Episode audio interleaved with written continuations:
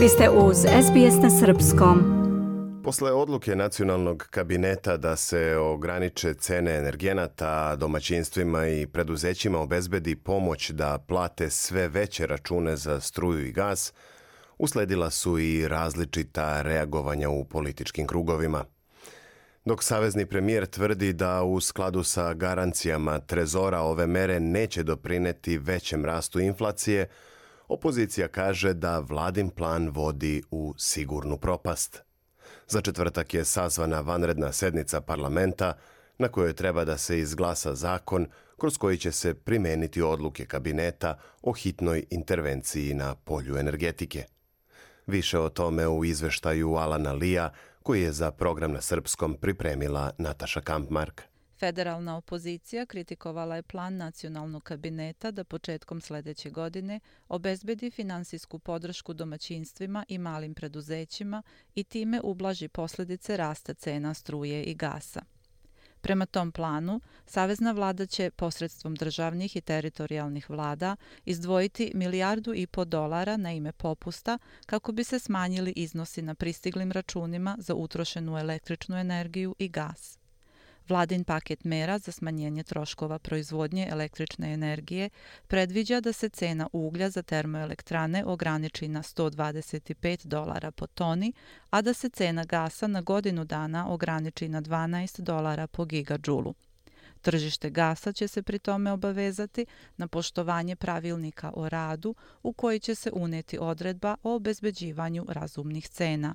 Obraćajući se javnosti nakon sastanka nacionalnog kabineta, premijer Anthony Albanese je rekao okupljenim novinarima da je postignut dogovor o koracima koje treba preduzeti da bi se domaćinstvima i preduzećima pomoglo da plate račune za struju i gas.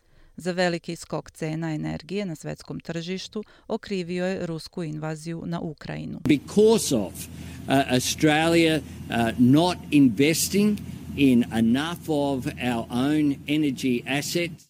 Budući da Australija nije ulagala u vlastite energetske izvore, sada zavisimo od kretanja cena na međunarodnom tržištu, a to dovodi do pritiska na preduzeća i domaćinstva.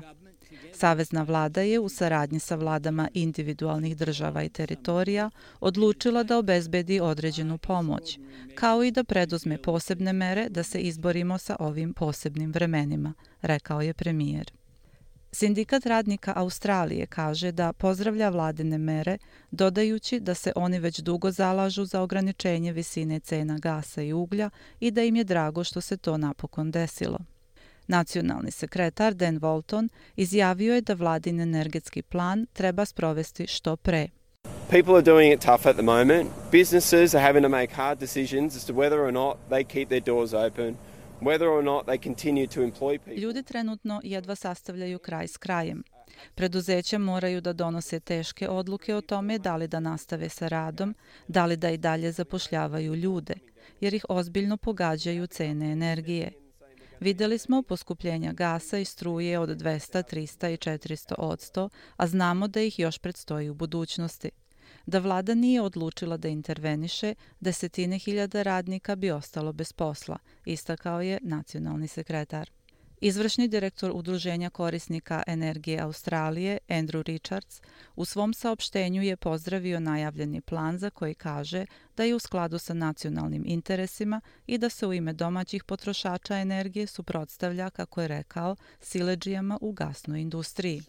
We congratulate federal and state governments on developing a balanced approach to the gas crisis that looks after domestic energy users and the national interest while preserving our role. federalnoj i državnim vladama što su za postojeću gasnu krizu razvile uravnotežen plan koji vodi računa o domaćim potrošačima i nacionalnim interesima, a pri tome ne ugrožava našu ulogu postojanog i pouzdanog izvoznika energije. Svi znamo koliko je energija bitna za svaki aspekt našeg života – a najavljeni paket mera pokazuje da su vlade osluškivale potrebe australijanaca i da razumeju probleme sa kojima se suočavaju komercijalni i industrijski korisnici energije koji prave proizvode koje svakodnevno koriste svi australijanci, kazao je Richards. Međutim, Ministar energetike iz Senke, Ted O'Brien, rekao je za radio 3AV da vladin plan vodi u sigurnu propast. Everybody who has studied even the basics of economics knows that price is a function of supply and Svako ko se i ole razume u ekonomiju zna da cena zavisi od odnosa ponude i potražnje. Ako ograničite cene, izazvaćete pad ponude.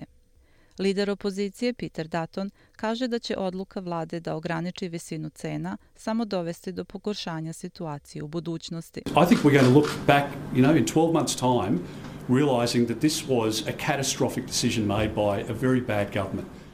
Mislim da ćemo se za 12 meseci osvrnuti i uvideti da je ovo bila katastrofalna odluka koju je donela veoma loša vlada.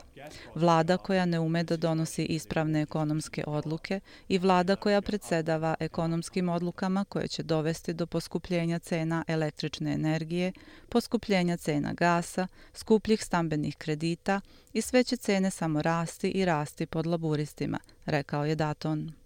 Politolog i viši predavač na Univerzitetu Monash, dr. Zarej Gazarijan, rekao je za Sky News da se koalicija bolje kotira po pitanju vođenja zdrave ekonomske politike i da će taj ugled iskoristiti u svom protivljenju vladinoj šemi. Ali nije izvesno da li će to biti dovoljno da ubedi javnost s obzirom na to da mnogi teško izlaze na kraj sa porastom cena struje i gasa.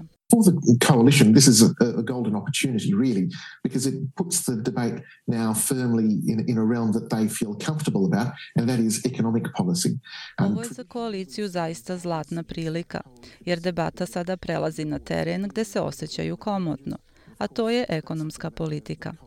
Ankete su u prošlosti pokazale da javnost smatra da koalicija bolje i efikasnije upravlja ekonomijom. I naravno, koalicija je to od uvek isticala ali također smo videli da su glasači u poslednje vreme postali skeptični prema politici koalicije. Ovo će sada zaista biti test da se vidi kako koalicija u opoziciji reaguje na ovakve probleme i kakve političke smjernice sada mogu da predlože i da li će naići na dobar odziv kod glasača, kazao je Gazarijan. Savezni parlament će se sastati u četvrtak na vanrednoj sednici da usvoji zakon o ograničenju visine cena gasa i uglja. SBS na srpskom. Podelimo priče na Facebook stranici.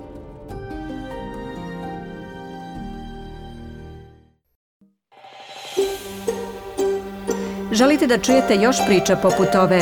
Slušajte nas na Apple Podcast, Google Podcast, Spotify ili odakle god slušate podcast.